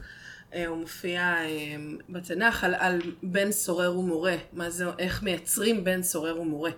והתורה אומרת, בן סורר ומורה בעצם נולד מזה שאבא ואימא אין להם קולות אחידים בבית. Mm. זאת אומרת, כשיש קול של אימא ויש קול של אבא, ואתה, הילד כל הזמן בוחר למי הוא רוצה ללכת. אתה מייצר ילד צורר ומורה, לא במובן של עכשיו איזה פושע, אלא במובן של מישהו שלא מבין מה צריך לעשות, שהולך לאיבוד, שהוא מסתבך עם המון דברים, שהוא כאילו לא, לא איזה, אבל אם האבא והאימא מדברים קולות אחידים, אז יש באמת אפשרות להעביר לילד משנה אחת סדורה שהוא יודע to follow her. עכשיו, במובן הזה אנחנו לא מדברים תנכית או דתית, אבל אנחנו כן יכולים לקחת את זה. כשאתה מלמד את הילד מסר שקשור לכסף, קודם כל תראה לו את זה בדוגמה אישית. ודבר שני, ונראה לי אפילו יותר משמעותי, ההבנה שכסף הוא דבר חשוב, ושיש להתייחס אליו בהתאם, זה לא גס. ושזה נכון. קונספט מומצא, כי אנחנו מחליטים בדיוק. מה שווה, כי אם כל ילד שעבד בעגלות, כן, אני לא עבדתי בעגלות, אבל כל ילד שיוצא מהצבא ונוסע לחו"ל ועובד בעגלות, מבין, אוקיי, אם אני אמכור את זה ביותר כסף, אז אני משאיר לעצמי את ההפרש. ומה שאני חושבת uh, שנקודה מאוד, uh, uh, מאוד חשובה גם בכל הנושא של חינוך, זה שיש לנו את הדימוי בראש של המורה המרופט. האוטו הזה שחצי מתפרק ואין לו כסף והוא לא מקבל משכורת והוא מאוד ממורמר, וזאת מציאות. וכשילד רואה מישהו כזה מלמד אותו, למשל, על כסף או על כל דבר, יש איזשהו רגע של זלזול, כי אם למשל היינו מתייחסים למורים שלנו בכבוד שמגיע להם, אז הילדים שהיו יוצאים, הם היו מסתכלים, following an example, הם היו מסתכלים על דוגמה אישית, ומיישמים את מה שהם מיישמים. אם עכשיו אני משלמת למורה כלום כסף, הוא צריך ממש להיאבק ולעשות מעבר למה שמכריחים אותו לעשות. זה לא הגיוני. ופה, בדיוק כמו שבבית נוצר איזשהו דיסוננס, כי הילד מקבל מסרים מצד אחד, זה חשוב לך ללמוד, אבל הבן אדם שמלמד אותך, מי שמקנה לך את הידע, הוא הבן אדם הכי מזולזל בעולם. שהכי כאילו מסתכלים עליו כאילו הוא לא חשוב. וזה גם איזשהו משהו פסיכוטי לדעתי שקורה בעולם שלנו. זה מאוד נכון. ההתייחסות למורים היא באמת אה, בתחתית המדרגה. אנחנו קודם כל שמענו באמת בלי סוף, מכאן ועד אילת, את כל השיחות שיש בעולם על החינוך בפינלנד, על איך הם אה, מטפחים שם את המורה שלהם, על איך הם דואגים שהמורה יהיה איזה מישהו שהוא קודם כל בעד תואר שני, שכר מאוד גבוה, תנאים מאוד חשובים, כמעט אה, מה שנקרא המקצוע השני אחרי טייס. מבחינת. כאילו החשיבות שליחות, שלו, זה, אולי. זה, זה ממש ממש כן, שליחות, אבל זה גם שליחות שיש לה אנשים שמקיפים אותך מכל כיוון ונותנים לך מקום לבוא לידי ביטוי. אחת הבעיות המרכזיות בחינוך בארץ זה העובדה שגם לא נותנים למורה להחליט. המורה לא יכול לקבוע, זה הכל נקבע לו מלמעלה. אבל כל הנושא של איך שאנחנו תופסים את האנשים שמעבירים לנו ידע בכלל, זה לא רק מורה, זה גם הורה. זה גם הבוס שלנו, חושבת. זה גם האינטרנט, זה גם כל מי שמעביר לנו ידע, יש לנו נטייה מאוד גדולה לומר, ידענו את זה כבר. בסדר, זה לא כזה חשוב. לדפדף את זה הלאה. זה לא מסתיים רק מול הבן אדם הזה, גם המרצה להזכירך את כמות הנשימות ב... בדיוק, באוניברסיטה. ו- נשימות בהקלטה, שאנחנו... כן? לאלה שלא, כן. שלא יודעים, אז uh, אני ורותקה למדנו ביחד באוניברסיטה, והקלטנו את ההרצאות כדי לסכם את זה אחר כך. וכמה פעמים בהרצאה רותקה יכלה לשמוע את הנשימה שלי עושה. נופ.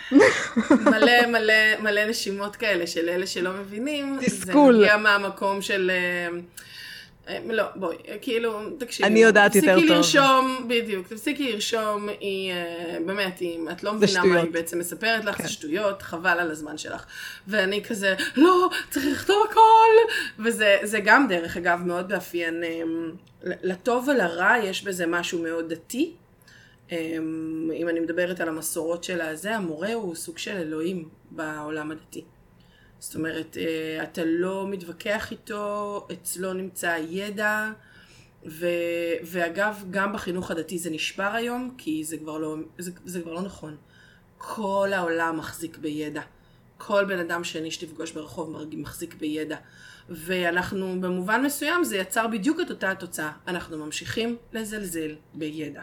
נכון. דווקא בגלל שהוא עכשיו נפוץ, דווקא בגלל שהוא זה. זאת אומרת, אם בעבר זלזלנו במורים ובהורים שלנו ובכל מי שרצה לתת לנו ידע, עכשיו אנחנו גם מזלזלים בזה שכל הידע פתוח ובשביל מה אני צריך אותו בכלל. אני רוצה בקליק, אני יכול לדעת. את יודעת שהדור של היום של החינוך נקרא דור ה-A, כי התחילה הספירה מחדש.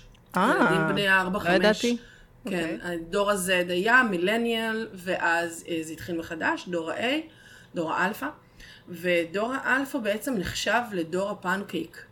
שטוח ורחב, שום העמקה. Okay? זאת אומרת, אתם יודעים המון על המון דברים, אבל טיפה את יורדת לא למטה, את חופרת, בדיוק. למה את חופרת? סתמי את חופרת, בדיוק. זה, זה הדור שאנחנו מדברים עליו. כי הכל נמצא בלחיצת אה, כפתור קטן. אתם... יש גוגל. את לא רוצה, כאילו, גם יש הכל... למה לשמור את זה בראש? וגם את לא רוצה, בשביל בדי, מה? בדיוק, בדיוק. למה לפנות מקום בראש עכשיו לאיזה שיר של האליאדה, או לאיזה... לא יודעת מה, איזה שיר של, לא יודעת, נתן לא אלתרמן או הכל, זה פשוט, הכל נמצא במחשב, אני לא צריך לזכור את זה בעל פה. יש כוח ללמידה בעל פה למה שהיא עושה למוח ולגלגלים שלו ולאימון שלו. כל הנושא הזה של חינוך, כל הנושא הזה של איך שאנחנו תופסים את מי שמלמד אותנו ומעביר לנו מידע, כל הדבר הזה הוא בשורש של מה שצריך להשתנות בעולם. אם אנחנו מדברים על הספר הזה, וזה משהו שהוא מהותי כי אתה רואה אותו משפיע על החיים שלך ברגע שאתה מקשיב לו. אתה יכול לראות את התהליכים שאתה עובר כשאתה מיישם חלקים בתוך הספר. כך זה לגבי כל מערך החינוך. והוא כולו צריך להשתנות, הוא כולו באמת צריך לעשות שינוי. אני רק רוצה להגיד בכוכבית קטנה, שבארץ מאוד לא משתלם לשנות את החינוך נכון. בצורה שהוא בנוי היום, כי מה שקורה אצלנו זה ש... אולי uh, זה לא יפה מה שאני אומרת, סביר להניח שזה לא יפה מה שאני אומרת, אוקיי. okay. אבל um, אנחנו רוצים לחנך uh, חייל שלא שואל שאלות. נכון. והחייל הזה הוא לא רק בקטע של צבא, uh, הוא גם בקטע של העבודה אחר כך. תהיה בשקט ותעשה את מה שאומרים לך, כי הרוב הגדול לא הולך לנהל. הרוב הגדול הולך בתלם. למעשה אלה שהולכים לנהל הם לרוב אלה שלא הלכו בתלם, או לרוב נכון אלה שבאמת מאוד. זה. לא, אנחנו לא מדברים על ה... את יודעת, על הכרישים הרגילים עם החליפה שעשו את המסלול והביאו את הכסף והם כאילו עכשיו בבורסה מכרו את נשמתם. אנחנו מדברים על אלה שבאמת מנהלים ומייצרים דברים בזה, הם אלה שברוב המקרים הלכו נגד הזרם, נגד התלם, ויצרו באמת איזה שהם חיים משלהם. אני חושבת שהעניין במדינת ישראל הוא גם שאנחנו יכולים לצחוק על זה ולהגיד שלא ממש משתלם להיות פה גם עצמאי. זה לא, זה לא זה רק נכון, שלא משתלם נכון. להיות פה, זה כן, זה לא רק שלא משתלם להיות פה... כי את צריכה אה, עכשיו להיות הדלק של מערכת. את צריכה כן. עכשיו לסדר את המדפים של הסופר. את צריכה עכשיו ללכת ולעשות דברים מגוחכים, שהרבה מהם, אגב, הולכים להיות אוטומטיים. הרבה מהמשרות האלה, אני בחיים לא אשכח איך במלון הייתה משרה שנקראת revenue manager. Mm. עכשיו, ה-revenue manager זה אנשים שלמדו, הם עשו תואר במלונאות, ולמשל, במל, למלון יש חמישה סניפים במדינות שונות באירופה. כמה יעלה לילה בכל יום נתון, בכל חודש, בכל אחד מהבתי מלון האלה? מה המתחרים מבקשים תמורת אותו uh, שירות באותו זמן, ואז להתאים את הערך של המלון שלנו, שלא יהיה חוסר, שלא יהיה דיסוננס, שפתאום מלון X מבקש 100 יורו ללילה, ואני משום מה מבקשת 300, ואנחנו באותה קטגוריה. כאילו, גם אם מאוד אוהבים אותנו, לא ילכו להישאר אצלנו, כי למה? אתם ממציאים ערך. ועוד פעם, אנחנו חוזרים למקום שאנחנו ממציאים ערך של דברים. כי איך זה יכול להיות שאותו חדר במלון יכול לעלות 60 יורו יום אחד ו-250 יורו לילה אחר? כי זה הכל עניין של דרישה, וצריך להבין מתי אפשר לבקש כזאת כמות של כסף, ומתי אי אפשר לבקש כזאת, כזאת כמות של mm, כסף. ומה שקרה כן. זה שהחבר'ה האלה, הם למדו הרבה מאוד שנים. הם היו תותחים וכרישים בתחום. ומה קרה? הומצא אלגוריתם שעושה את זה יותר מהר, בפריסה יותר נרחבת, ובודק את כל המחירים של המתחרים, ונותן לך צפי בהתאם ל-50 שנה אחורה, מה היה בתקופות מסוימות, ואיזה projection אנחנו יכולים לעשות חמש שנים קדימה, והוא עושה את זה בדקה. כשלבן אדם ייקח, yeah. וואו, ייקח, ייקח זמן. ייקח זמן ללמוד את השוק, ללמוד את הזה. לא, אלגוריתם. והאלגוריתם הזה מה שהוא עושה, הוא מבטל את העבודה הזאת. וכמה שאנחנו מתקדמים קדימה, יותר עבודות יהיו נכון, מבטלות. וזה לא דבר רע. אנשים מסתכלים על זה, מה, לוקחים לנו את העבודה? לא, לוקחים עבודה שבני אדם לא אמורים לעשות. אין סיבה שאנחנו נעשה את השטויות האלה, באמת. אין סיבה שאנחנו נקום כל יום, ניסע בתחבורה ציבורית או ברכב לאיזשהו מקום, נשב במשרד שצריך לשלם שכירות עצומה על המשרד הזה, ואנחנו נבזבז זמן. לא כולם אה, שותפים להוויה הזאת, כי כשאתה מאבד את העבודה. שלך, כן, כי כשאתה מאבד את העבודה שלך זה קשה, זה כואב, תשמעי, זה, זה משהו שהוא מפחיד. זה בדיוק כן, הפחד. כן, קשה מאוד לאנשים גם, את יודעת, לראות את המכונות האלה מחליפות אותנו, כי זה במובן מסוים, את יודעת, זה באמת, אה, שוב, זה איזושהי מהפכה נוספת, שקרתה דרך אגב הרבה יותר מהר, ויש לה השלכות הרבה יותר הרות גורל על העולם שלנו, המהפכה הטכנולוגית הזאת. והיא אה, מעוררת אנטגוניזם אצל הרבה מאוד אנשים, כי כולם כל הזמן רוצים לדבר על המבט בעיניים, את יודעת, אני עושה את העבודה, אבל I'm here, I'm a person, אני נותן יותר ערך לתוך הנושא הזה. קשה להם להבין שמשהו באמת, שכל הדבר הזה הוא ייעול, עכשיו אתה יכול לפנות את חייך לעשות באמת משהו שיש לו תועלת או הבנה mm. או זה, פשוט leave me where I am. זה באמת הרבה יותר קשה בזה. אגב, מה שאמרת בנושא של אה, לדעת על מה אתה לוקח את הכסף ואיך אה, זה, זה מזכיר לי את הדיון באמת שהיה לי ולך במהלך הסוף שבוע הזה, mm. אה, ואת המאמר שכתבת במדיום, על המוזיאון החצוף שדרש על פגישת זום 230 שקלים. שני מוזיאונים שנפגשים לדבר בינם לבין עצמם על עתיד המוזיאונים כמובן, ודורשים... ספוילר אלרט, כן, הכחדה. הכחדה, ודורשים 230 שקלים למפגש זום. שאתה יושב בבית ורואה את הדבר הזה בשביל הלינק לקבל את המפגש זום שבו הם אה, מעלים גרה את הידע שלהם בתוך עצמם עם אותם אנשים באותו מקום, 230 שקלים על המפגש. אז גם הדבר הזה כשאתה מסתכל עליו, ואתה, וזה גם, שוב, זה כסף, זה ידע, זה ערך, זה הכל, הכל נכון, הכל על הנייר עובד, אבל כשאתה מסתכל על זה קצת יותר פנימה, אתה אומר לעצמך, וואו, אין, אין שום סיכוי בעולם. ש-230 שקלים על מפגש כזה, אני אגיד לך יותר מזה, גם מישהו. לא 20 שקלים. יותר מזה, כן, גם לא כן. 20 שקלים. לראות פנים של מישהו בזום בצורה מפוקסלת, כשהסאונד נעלם והוא חופר לי על דברים שלא מחוברים למציאות. בדיוק. עכשיו, נכון, יש דור שמוכן לשלם על זה כסף, זה נכון. אבל אני רק רוצה להגיד, הדור... רק רוצה לומר שהדור הזה לא יודע לתפעל ווייז. אה, אה, לא משנה, הילדים יכולים להפעיל, אוקיי? יהיה כן. זום, הילדים, רגע, איך עושים? רגע, אין לי מיקרופון, רגע, אוי, הורדתי מים בשירותים, כי אני לא יודע מה זה לעשות מיוט במיקרופון. לא משנה, מה שאני אומרת זה שהדור הזה הולך להיעלם, והוא הולך להיעלם לא בעוד הרבה זמן, ובשלב מסוים הוא גם לא יוכל יותר להשקיע כסף בדברים האלה, כי נכון. יהיו דברים אחרים שהוא יהיה חייב להשקיע בהם. עכשיו, אני לא מדברת עכשיו על, אה, על נושא של אה, basic income, כי uh, לפני איזה כמה שנים הם עשו איזשהו ניסוי באוטרכט, והם לקחו, אני לא זוכרת כמה, כמה משפחות, כמות גדולה, כמות יפה של, של uh, משפחות, והאוניברסיטה עשתה איזשהו ניסוי. Uh, אנחנו נותנים לכם basic income. השכר דירה או הדירה, הבית, ממומן, חשבונות ממומנים, יש אוכל, הכל בסדר. מה אתם הולכים לעשות עם הזמן שלכם עכשיו? ומה שמאוד מעניין זה שרוב האנשים, ברגע שתשאלו אותם, אבל מה אתם רוצים לעשות? הם לא הולכים לשם, הם לא רוצים ללכת לשם. אני רוצה לעשות yeah. מה שאומרים לי, אני רוצה לקום בבוקר, אני רוצה להתארגן, לשתות את הקפה שלי, לנסוע לאוטו, מה שחשוב לי זה אינטראקציה עם אנשים אחרים. מה שחשוב לי זה לשבת משעה מסוימת עד לשעה מסוימת, להתלונן על דברים, לצחוק על דברים, לדבר על סדרות שראיתי, לנסוע הביתה, לראות טלוויזיה, לבלות קצת זמן עם ילדים, לאכול ארוחת ערב, ללכת לישון.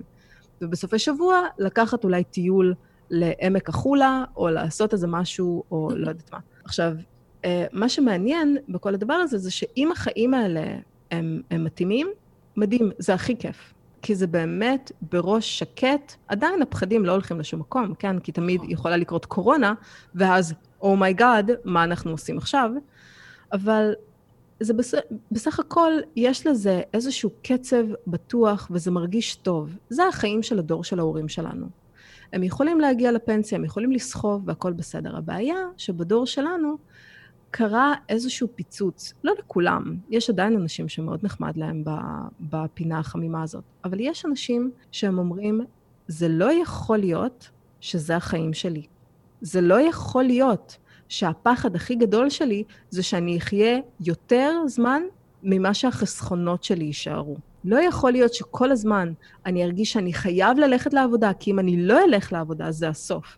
ואני לא לוקח זמן לעצמי, אני לא מנצל את תקופת הקורונה, חודשיים שלמים שאנחנו חייבים להיות בבית, ואנחנו לא מנצלים את הזמן הזה כדי להבין, רגע, מה אני יכול לעשות? מה אני יכול אה, לתרום? מה אני יכול לייצר שיהיה שווה גם בשבילי וגם בשביל אנשים אחרים? עכשיו, כל התירוצים האלה שאני לא יודע, ואני לא יודע זה, ואיך אפשר, וכל הנושא של המוזיאונים, שאנחנו לא הולכים עכשיו, אנחנו לא יודעים להדליק מצלמה, אנחנו לא יודעים לתפעל מיקרופון, אנחנו לא יודעים, לא יודעים. זה מבחינתי ציוצים אחרונים לפני הכחדה.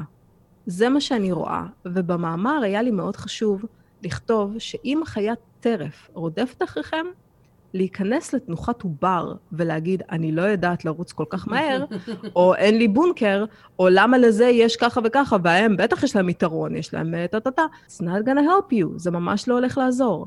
אז אולי כדאי פשוט להתחיל לרוץ. נכון. פשוט להתחיל לרוץ.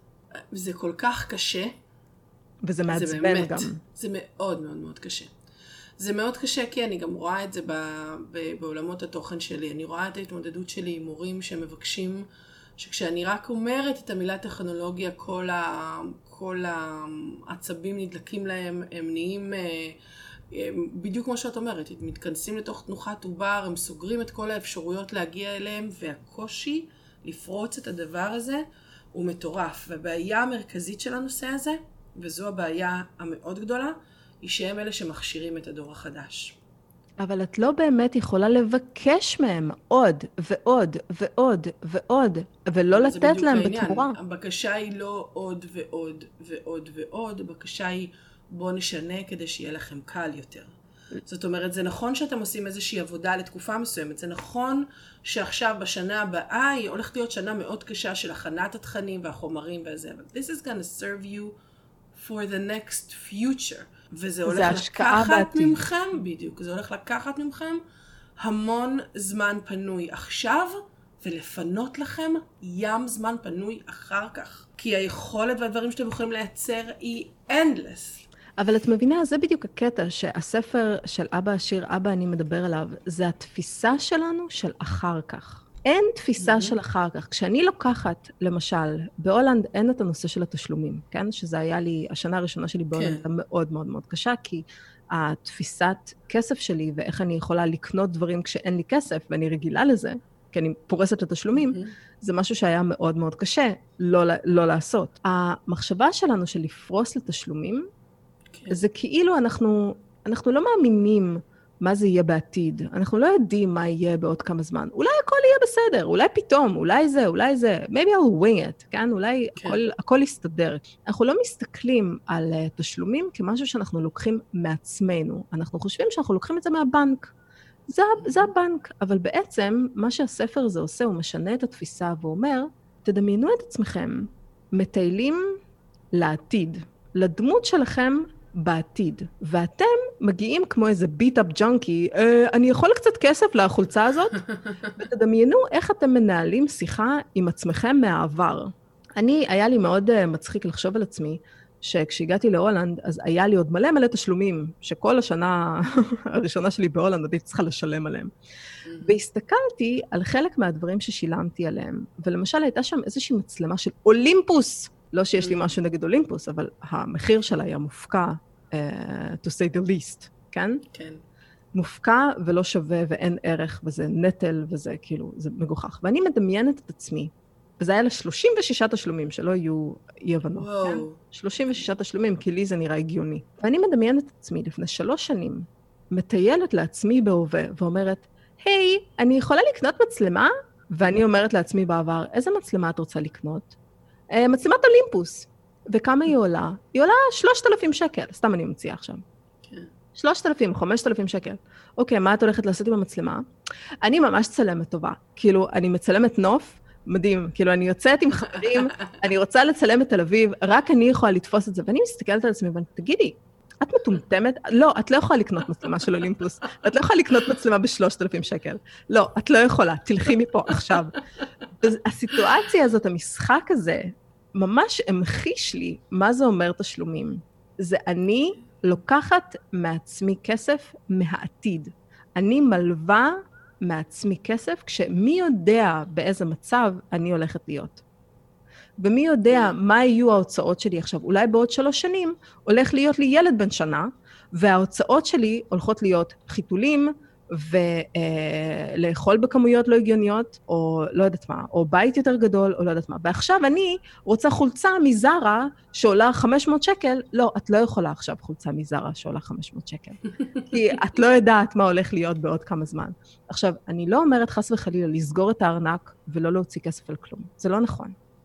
להוציא כסף על דברים שיש להם ערך. אם עכשיו אני משקיעה בצילום, ואני אומרת, אוקיי, אני לא שמה 3,000, אני שמה 10,000 שקל על צילום. והתוכנית שלי היא כזאת כזאת וכזאת.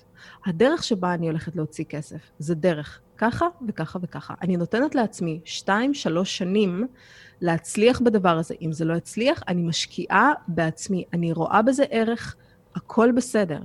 אם אני קונה משהו רגשי, אם אני קונה משהו שיעשה לי נחמד לשלוש שניות, ואז אני אתרגל לדבר הזה וזה יהיה זרוק בצד, או אם זה משהו שאני לא אוכל למכור אחר כך אפילו, אין לזה שום טעם. נכון. שום טעם, שום ערך. אבל זה בדיוק העניין. ברגע שאת מדברת עם אה, מורים על טכנולוגיה ואת מדברת איתם על העתיד שלהם, הדיבור הוא לא על משהו של, אה, זאת אומרת, זה לא בדיוק כמו שאנחנו מדברים על תשלומים או על מה שזה לא יהיה במובן של העתיד.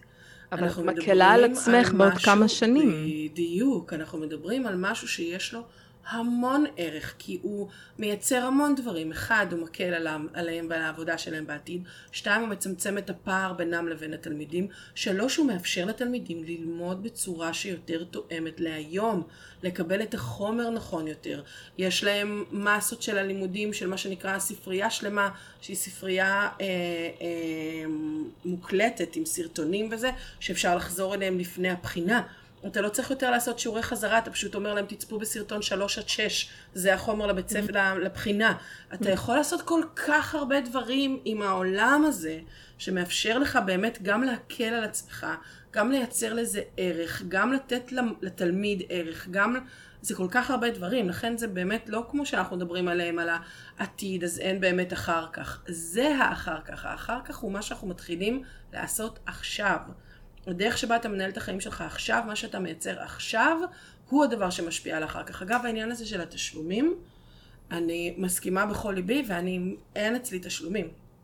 זאת אומרת, גם כשאני משלמת uh, משהו, לכן גם הרבה פעמים החשבון uh, ויזה שלי הוא כזה פתאום נהיה, את יודעת, הוא יכול להיות בחודש, שזה לא כל כך הרבה יחסית לזה, אבל עבורי זה המון, הוא יכול להיות פתאום 4,000 שקלים או 5,000 שקלים, כי אני לא עושה תשלומים.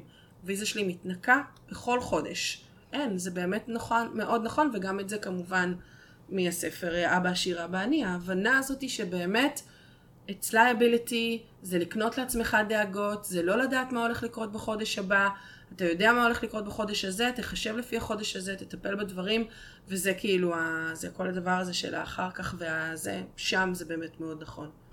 שם האחר כך הוא לא בריא. להוריד את הפחד הזה, והמטרה כן. כאן היא באמת לא לאגור כסף, אלא כן. להרגיש, אה, להרגיש שלהוריד את הפחד זה יותר חשוב. והוא מדבר בספר הזה גם של אנשים מאוד מאוד עשירים, יש גם פחד.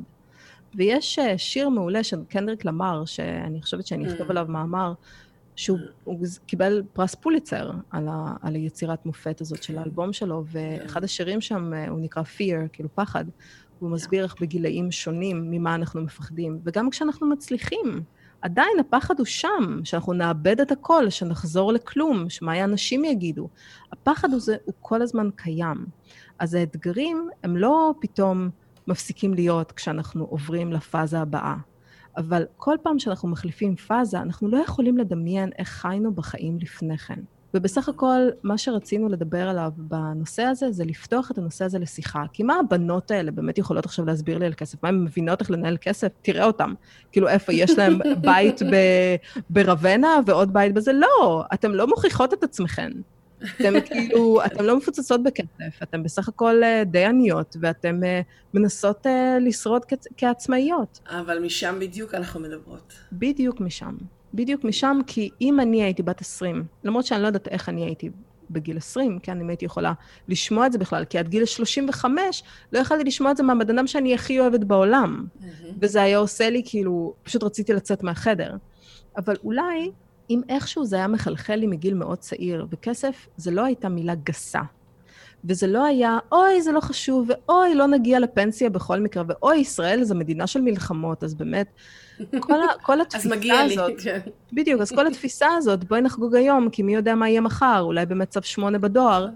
אז הגישה הזאת היא לא בריאה, כי היא לא יוצרת שורשים, היא לא יוצרת המשכיות. ואני מדברת על שורשים מטאפוריים, לא דווקא במקום מסוים, כי אני, אין לי שורשים. אני לא יודעת מאיפה אני, ואני לא יודעת לאן אני הולכת, אבל אני יודעת שמה שאני מאמינה בו ומה שאני חושבת, זה השורשים שלי. ואני מסתכלת על הדברים האלה, ואני אומרת, אולי כדאי פשוט להעלות את הנושא. אם זה מעצבן אתכם, מעולה, זה לא הזמן בשבילו עכשיו. נכון. זה לא הזמן בשבילו, צריך לחכות. ואולי זה קורה בגיל 20, אולי זה קורה בגיל 30, אולי זה קורה בגיל 50. אבל זה קורה בשלב מסוים, כי כשאנחנו מסתכלים על כמה כסף אנחנו שומרים בסופו של דבר בכיס שלנו, זה מעצבן וזה מתסיס מאוד. והכעס הזה יכול לצאת לכיוון שאנחנו מתעצבנים על אנשים אחרים ומקנאים באנשים אחרים, ואומרים, איך הם ואיך אני ולמה ולמה, זה לא עוזר. נכון. אני חושבת שהשורשים האלה שאת מדברת עליהם הם יציבות. יציבות כלכלית הוא חלום שיש לכולנו. ברור. באמת אה, להשיג. וזה מה שאומר להיות עשיר. זה נכון. להרגיש יציבות כלכלית, אבל זה, זה מונח יותר מדי אבסטרקטי. נכון.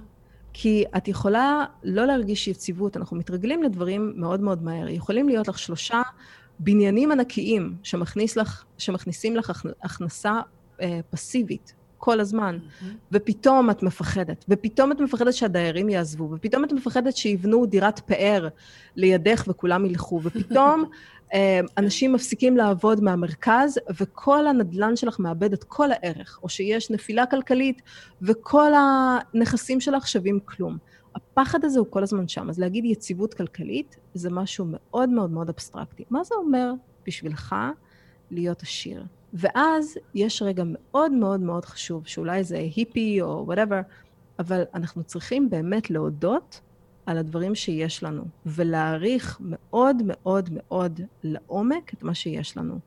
ויש איזשהו קטע של מארי קונדו, עם הקונדו method, uh, mm-hmm. כן, של ניקיון בית, שיש לה קטע שהיא, כל פעם שהיא נכנסת הביתה, היא אומרת תודה לבית שלה.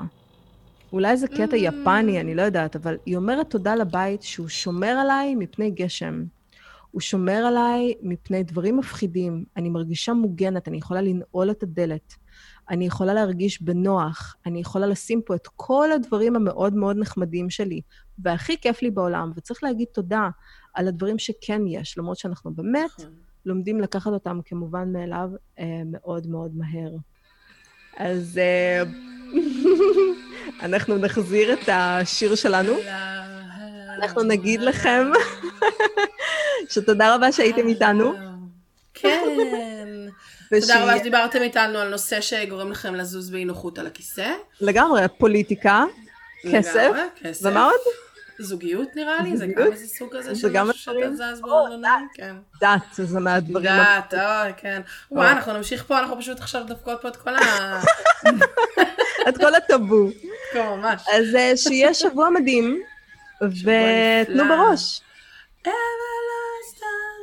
תקשיבי, היה לי ממש כיף. לגמרי. היה לי ממש כיף, זה נושא שהתחמקנו ממנו כל כך הרבה זמן. כן. ואת יודעת מה? הגיע הזמן באמת. כן. לא, זה נושא גאוני, זה באמת אה, אחלה דרך, את יודעת, בשבילנו גם, כאילו, לעכל את כל מה שעובר עלינו, עם העולם הזה שלנו כעצמאיות וההתמודדות.